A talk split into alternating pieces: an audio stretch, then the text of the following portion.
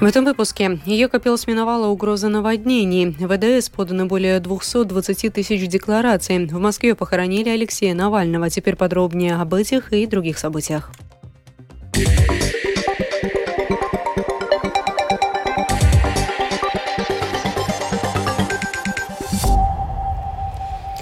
В Екапилсе река Даугава освободилась от льда, и уровень воды быстро падает, сообщил председатель Екапилского самоуправления Райвис Рагайнис. Муниципалитет открывает для движения те дороги, которые были закрыты из-за наводнения, и постепенно возвращается к нормальной жизни. В кратчайшие сроки поврежденные дороги будут э, выявлены и приведены в порядок.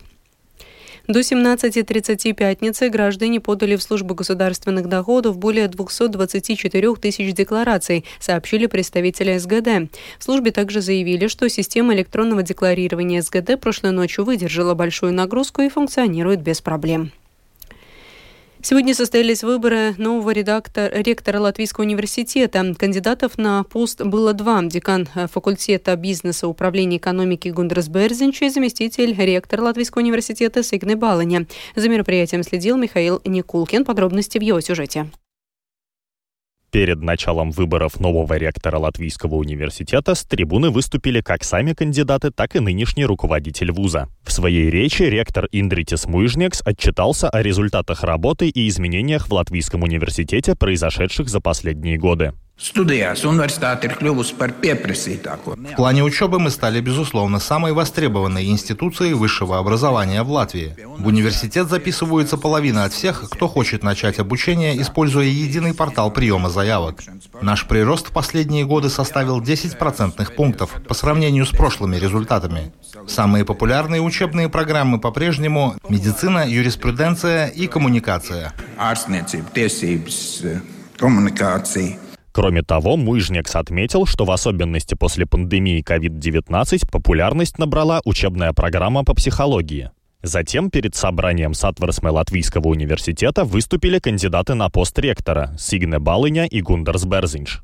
В своей речи Сигне Балыня рассказала о том, что прошла в Латвийском университете путь от студента до профессора, и то, что она на протяжении более 14 лет представляет отрасль информационно-коммуникационных технологий Латвии, дает ей уверенность, что она с честью сможет работать в должности ректора ЛУ. Сигне Балыня также назвала главные приоритеты в развитии университета. Четко определенная, направленная на рост академическая карьера – стабильная и надежная политика зарплат, достижение среднего уровня зарплат академического персонала в объеме по меньшей мере 3000 евро в месяц в ближайшие годы, стабильное и возрастающее государственное финансирование, переход на основанную на результатах модель финансирования, сотрудничество с индустрией и самоуправлениями, Вовлечение в процесс роста государственной экономики – это наш путь. В свою очередь Гундарс Берзинш в своей речи указал, что на посту ректора готов обеспечить стабильность приоритетов, решений и финансирования. Он также рассказал о результатах, которых ему удалось добиться, занимая должность декана факультета. Septiņus gadus vadot biznesa vadības un ekonomikas fakultāti, За 7 лет руководства факультетом бизнеса, управления и экономики его бюджет вырос с 3,5 до 7 миллионов 700 тысяч евро в год. Программы непрерывного образования на нашем факультете приносят более миллиона евро доходов каждый год. В финансировании науки мы достигли годовых доходов в 4 миллиона. Финансирование получено и есть 8 проектов Horizon, и в двух из них мы являемся ведущими партнерами. Un no divos no tiem esam vadošie partneri. На голосование и подсчет голосов предусмотрены полтора часа, и результаты будут известны с минуты на минуту, о чем мы вам сообщим. Михаил Никулкин, служба новостей Латвийского радио. Я же добавлю, что на должность ректора Латвийского университета избран нынешний декан факультета бизнеса управления экономики Латвийского университета Гундар Берзенч. Новый ректор избран во втором туре голосования, и он получил 106 голосов за и 78 против. С 1 марта в Риге у многоквартирных домов необходимо в обязательном порядке установить контейнер для сортировки биологических отходов. К этому моменту установлено около 2000 контейнеров, необходимо еще 5000. Их обещают установить уже в ближайшие месяцы. Вместе с тем жителям напоминают о том, что можно, а что нельзя выбрасывать в коричневые контейнеры для биологических отходов. Подробнее в сюжете Михаила Никулкина. Правила самоуправления предусматривают, что обслуживающие компании многоквартирных домов с сегодняшнего дня обязаны обеспечить сортировку биоотходов для этих зданий. В реальности у многих домов эти контейнеры еще не установлены. Почему широкая кампания по информированию жителей началась только сейчас, объясняет председатель Комитета жилья и среды Рижской думы Вестурс Зепс. С разной степенью интенсивности мы пытались это ввести в предыдущие годы. Будем реалистами. Когда-то надо было переходить от принципа добровольности к большей строгости. На самом деле предусмотрено, что контейнеры для биоотходов у всех домов мы сможем установить до 1 мая.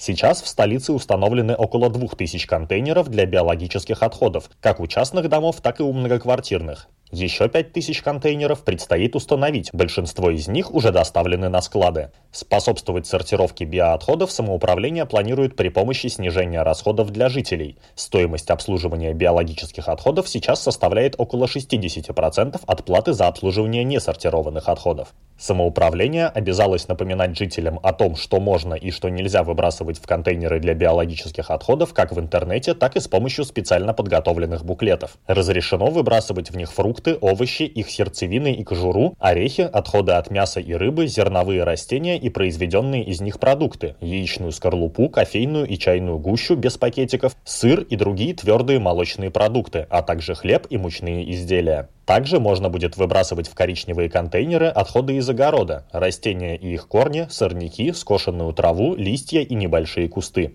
В свою очередь в специальные контейнеры запрещено выбрасывать туи, толстые ветки и пни, пластиковые пакеты и упаковку, горшки для цветов, бумажную и пластиковую посуду, упаковки от яиц, а также наполнитель туалета для домашних животных и продукты их жизнедеятельности.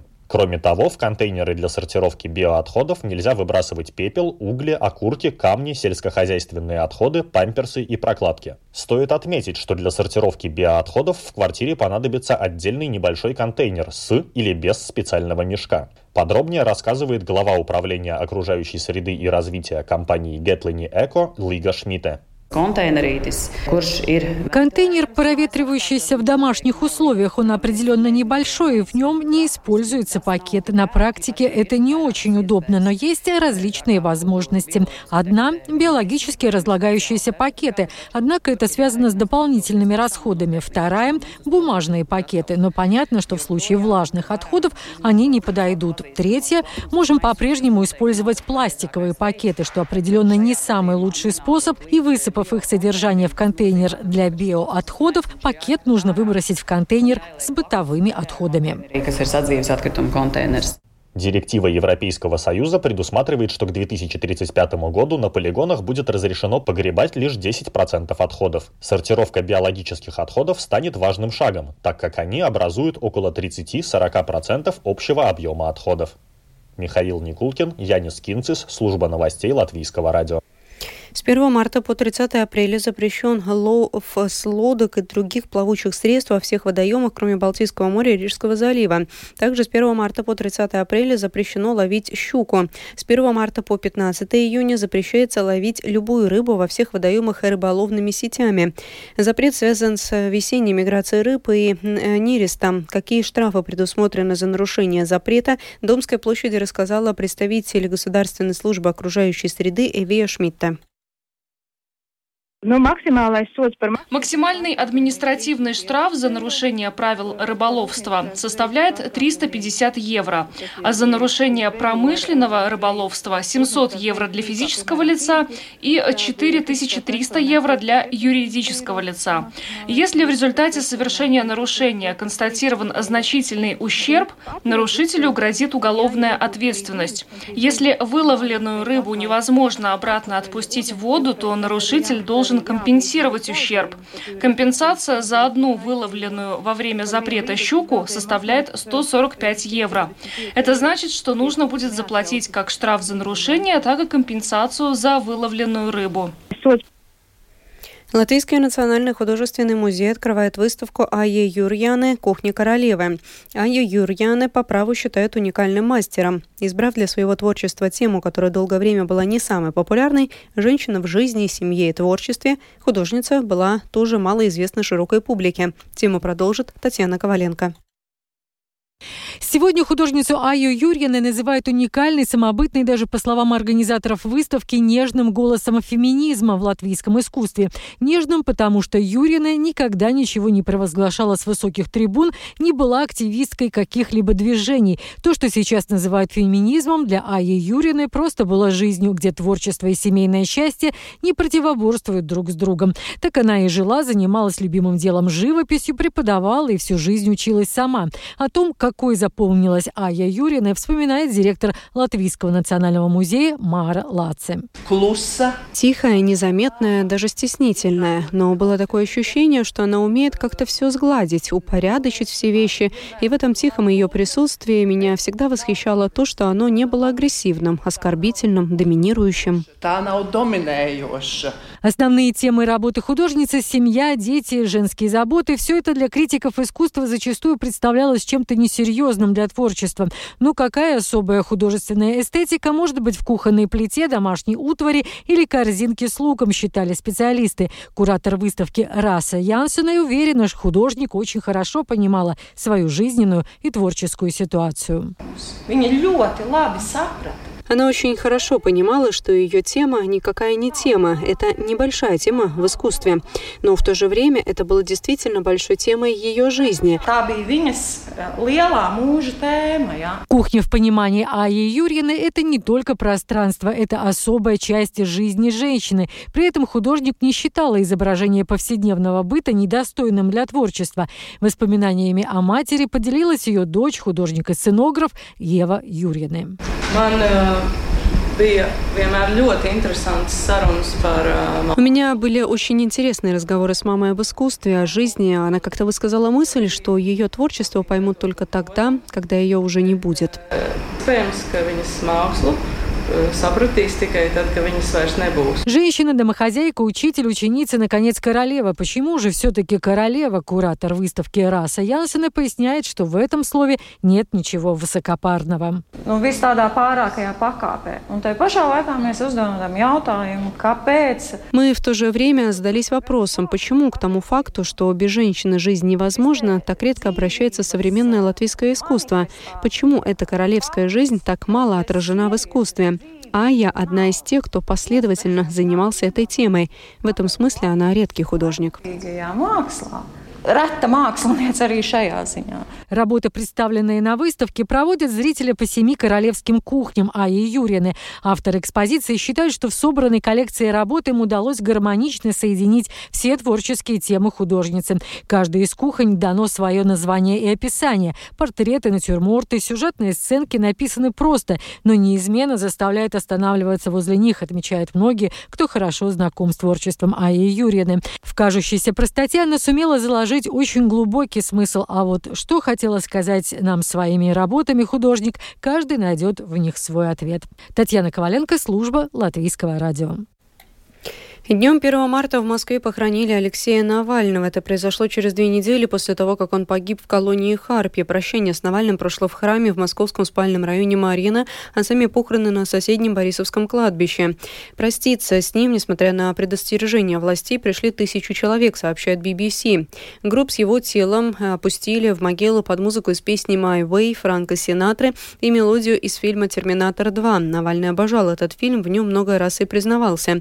Сумевшие попасть попасть на кладбище люди бросили в могилу горсти земли.